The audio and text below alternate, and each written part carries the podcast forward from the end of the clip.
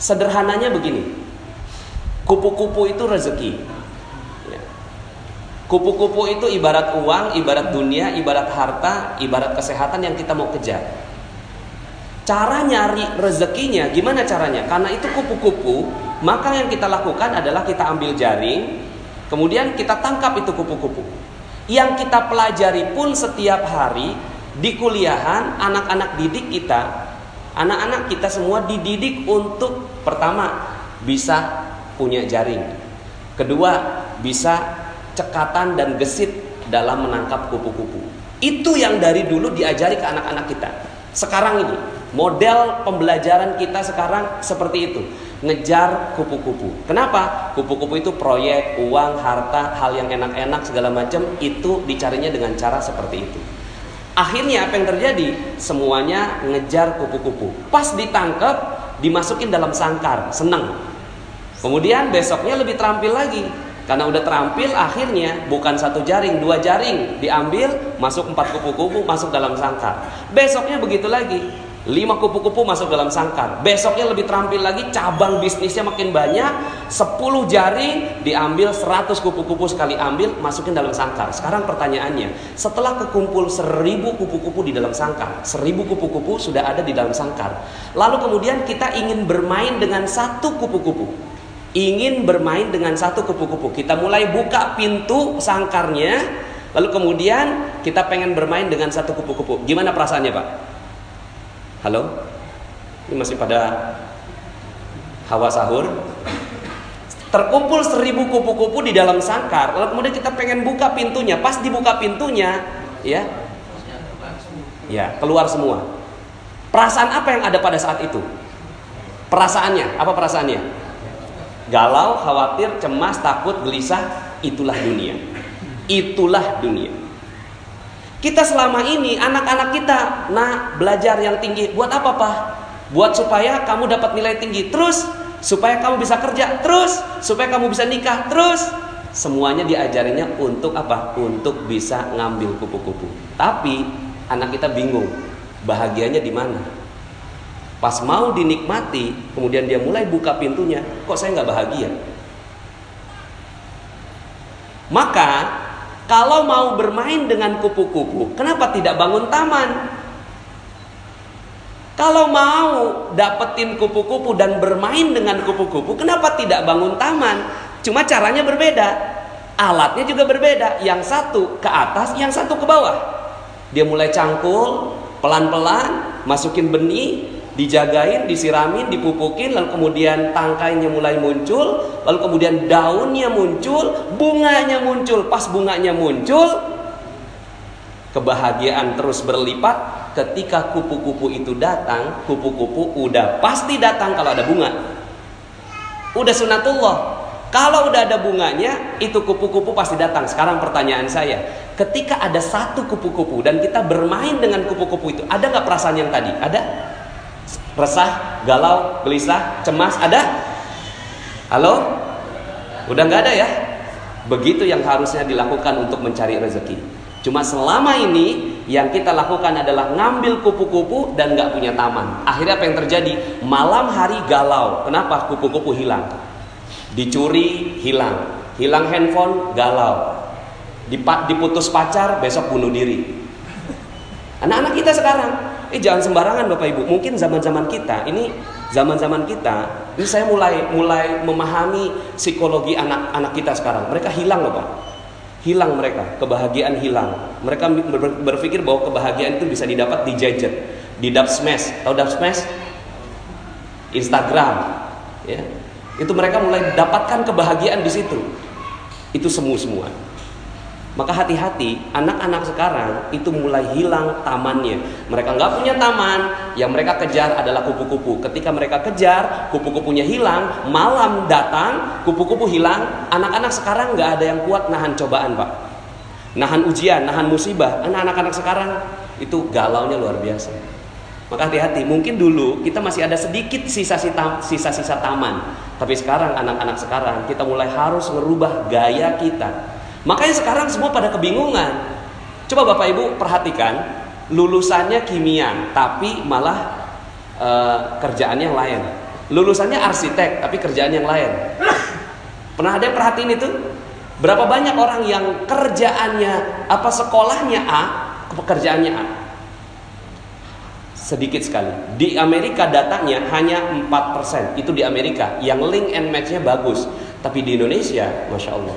Maka cara nyari rezeki sederhana.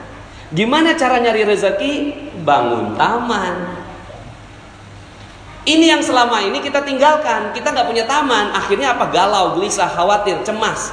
Kita nggak punya taman. Yang kita cari kupu-kupu. Seneng banget tuh ada orderan, ada project, ada harta, apa segala macam datang. Tapi kita mau beli sesuatu, beli mobil aja, Pas mau beli mobil, sebelum tuh mobil masuk, kita bikin sangkarnya dulu. Kenapa? Karena takut kalau kupu-kupunya hilang. Tuh. Nah, terus gimana dong? Ya udah, sekarang ganti fokus. Kalau kemarin tadi kan semalam kan saya bilang utang tuh lunas, ya kan? Karena memang kalau kalau kita masih ada hawanya hawa utang, itu rezeki nggak akan pernah datang. Hawanya hawa utang, rezeki nggak bisa datang. Ya. Tapi kalau hawanya utang udah lunas, insya Allah gampang banget tuh datang. Nah itu salah satu, salah satu tamannya rezeki. Nah untuk memupuk itu ada tiga hal. Ya, ini tadi saya dipesanin Ustadz kultum aja, benar-benar kultum, kuliah 7 menit. Ya udah, saya cuma kasih kisi-kisinya. Fokuslah pada tiga hal ini. Fokuslah pada tiga hal. Pertama, pikiran yang positif. Pikiran yang positif bahwa segala sesuatu bagus, segala sesuatu indah, husnuzon billah.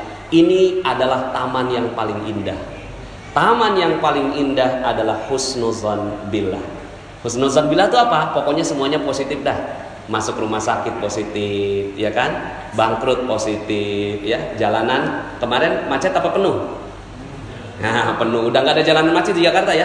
Nah, ini namanya positive thinking. Ajarin anak-anak kita ini tentang husnuzon billah.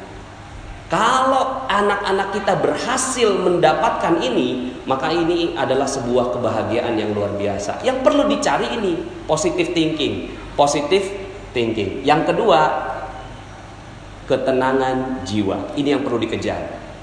Ketenangan jiwa ini namanya positive feeling. Kalau bahasanya kan positive thinking, positive feeling. Rasa itu harus tenang, cool, damai, enak, setenang samudera. Nggak boleh ada perasaan deg-degan. Deg-degan sedikit itu langsung hilang seluruh rezeki. Jadi misalnya nih kita punya utang, katakanlah masih punya utang ya orang sana ya. Kalau di sini kan udah nggak ada yang punya utang ya. Orang sana masih ada utang. Terus kemudian gitu ya ketemu sama debt kolektornya. Udah satu bulan selalu menghindar sama debt kolektor. Pas banget saat itu dia lagi ngantri makanan di mall, pas balik debt kolektornya ada di belakang. Kira-kira bagaimana jantungnya? Ya, Mau copot katanya. Deg-degan, berdebar. Berdebar adalah ciri rezeki hilang. Berdebar, jantung berdebar itu ciri bahwa kita tidak punya rezeki lagi. Tamannya hilang. Maka apa yang harus dilakukan? Yang harus dilakukan mendidik jiwa supaya tenang dalam segala kondisi. Bisa nggak kita seperti itu? Nah kalau bisa seperti itu, itulah harta kekayaan terbesar. Cuma gimana cara ngedidiknya ini? Ya, ini panjang banget ini penjelasannya. Tapi misalnya begini Pak, ya. Kejadian apa uh, ada yang konsultasi sama saya, anaknya meninggal dunia. Suaminya mundurin mobil, anak umur satu tahun dilindes, ya, sama sang ayah. Yang lebih tragis kakaknya ngelihat dengan mata kepala sendiri ini adiknya dilindes sama ayahnya sendiri dan sakratul maut mati saat itu juga. Sang istri keluar lagi masak, pas ngeliat gitu kan menggelepar-gelepar gitu di digedor-gedor pintu jendelanya terus kemudian turun sang ayah berempat ngeliat dengan mata kepala sendiri tuh anak meninggal dunia dengan hancur badannya. Sekarang pertanyaan saya bisa nggak saat itu jantungnya tidak berdebar? Alhamdulillah. Itu yang harus dikejar. Kalau itu bisa, alhamdulillah nih ibu, alhamdulillah dia mau ngikut saya, saya ajarin pelan-pelan sampai akhirnya tuh ibu mengatakan, "Siap Ustadz, alhamdulillah, terima kasih." Udah, selesai. Dan ternyata itu adalah kunci rezeki buat sang ibu. Lah kita berapa berapa banyak kita melakukan kesalahan rezeki. Kita deg-degan. Tanggal 25 gaji udah mulai habis, order belum nyampe, gimana perasaannya? Ya. Terus kemudian dagangan belum laku, gimana perasaannya? Padahal itu semua rezeki akan hilang. Nah, kejar nih ini. Cuma memang ya, nah ini memang perlu banyak sekali kajian tentang positive feeling. Cuma bocorannya adalah positive healing hanya bisa didapatkan dengan ibadah. Positive feeling hanya bisa didapatkan dengan ibadah. Kalau positive thinking masih bisa sendiri. Positive thinking nih, bagus itu, oke, okay, alhamdulillah, gitu ya, masih bisa. Tapi kalau positive feeling udah nggak bisa lagi dengan upaya sendiri, dia harus butuh bantuan Allah Subhanahu Wa Taala. Maka di titik itulah ibadah berkumpul seperti ini mahal harganya. Ini kumpul begini pak, ini mahal sekali. Kalau orang tahu, tahu betul yang namanya rezeki, oh itu dikejar yang kayak gini. Ada orang kumpulan apa? Duduk tenang, damai. Kenapa? Ada malaikat di sini. Malaikat itulah yang bikin ketenangan hati. Makanya Allah katakan, Ala bizikrillahi tatmainnul qulub. Ingatlah hanya, lihat, hanya dengan mengingat Allah maka hati bisa positif feeling. Nah. Cuma selama ini ya kita nggak kejar ini, coba sekarang kejar. Kejar, aduh, yang saya mau kejar adalah positive feeling, ketenangan jiwa. Karena itulah kekayaan sebenarnya. Kekayaan sebenarnya bukan harta, bukan mobil, bukan rumah, bukan yang lain, tapi ketenangan jiwa adalah kekayaan sebenarnya ya dikatakan oleh Rasulullah SAW laisal ghina an kasratil arad walakinnal ghina ghina nafs bukan kekayaan kamu punya banyak harta tapi kekayaan adalah tenangnya jiwa di penjara senang ditangkap senang ya bahagia semuanya tenang cool mau digantung aja senyum tuh kalau kita mampu seperti itu maka itulah kekayaan sebenarnya cuma selama ini kita nggak kejar yang kita kejar cuma duit aja di mana ngejarnya? Lailatul Qadar adalah malam kemuliaan tempat di mana Allah turunkan ketenangan jiwa. Kalau itu didapat tenang sekali. Nah yang ketiga lebih dalam. Ini aja udah bagus, masya Allah. Positive thinking, positive feeling. Yang terakhir positive motivation. Positive motivation, motivasinya semua positif, semuanya positif. Ya, bahwa motivasinya bukan untuk mencari uang, motivasinya untuk membahagiakan orang lain. Nah ini panjang sekali kajiannya ya. Mudah-mudahan dalam kesempatan yang lain ini pokoknya uh, cirinya tiga aja. Kejar ini. Nggak penting tuh jurusan, nggak penting tuh kuliah, nggak penting tuh sekolah.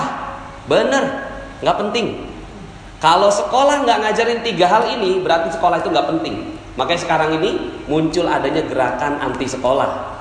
Kenapa? Karena di sekolahan anak-anak berantem juga, ya tapi bukan berarti bahwa saya anti sekolah tidak kalau di sekolahan ini mengajarkan tiga hal ini maka sekolah itu perlu dikejar tapi kalau sekolahan ini nggak ada yang kayak gini nggak ada tiga hal ini yang diajarin cuma matematik fisika kimia biologi arsitektur ya kemudian astronomi ah itu dia berarti ngajarin kupu-kupu tapi kalau dia ngajarin taman dia ngajarin tiga hal ini sehingga anak ada apa pun dia senang bahagia Anak ada apa pun dia tenang.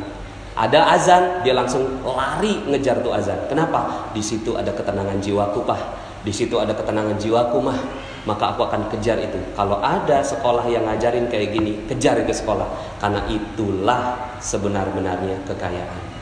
Demikian, mohon maaf atas segala kekurangan. Kita balik semuanya logika rezeki kita supaya kita betul-betul dapetin rezeki yang insya Allah barokah. Terima kasih. Subhanakallahumma bihamdika asyhadu an la ilaha illa anta astaghfiruka wa atubu. Assalamualaikum warahmatullahi wabarakatuh.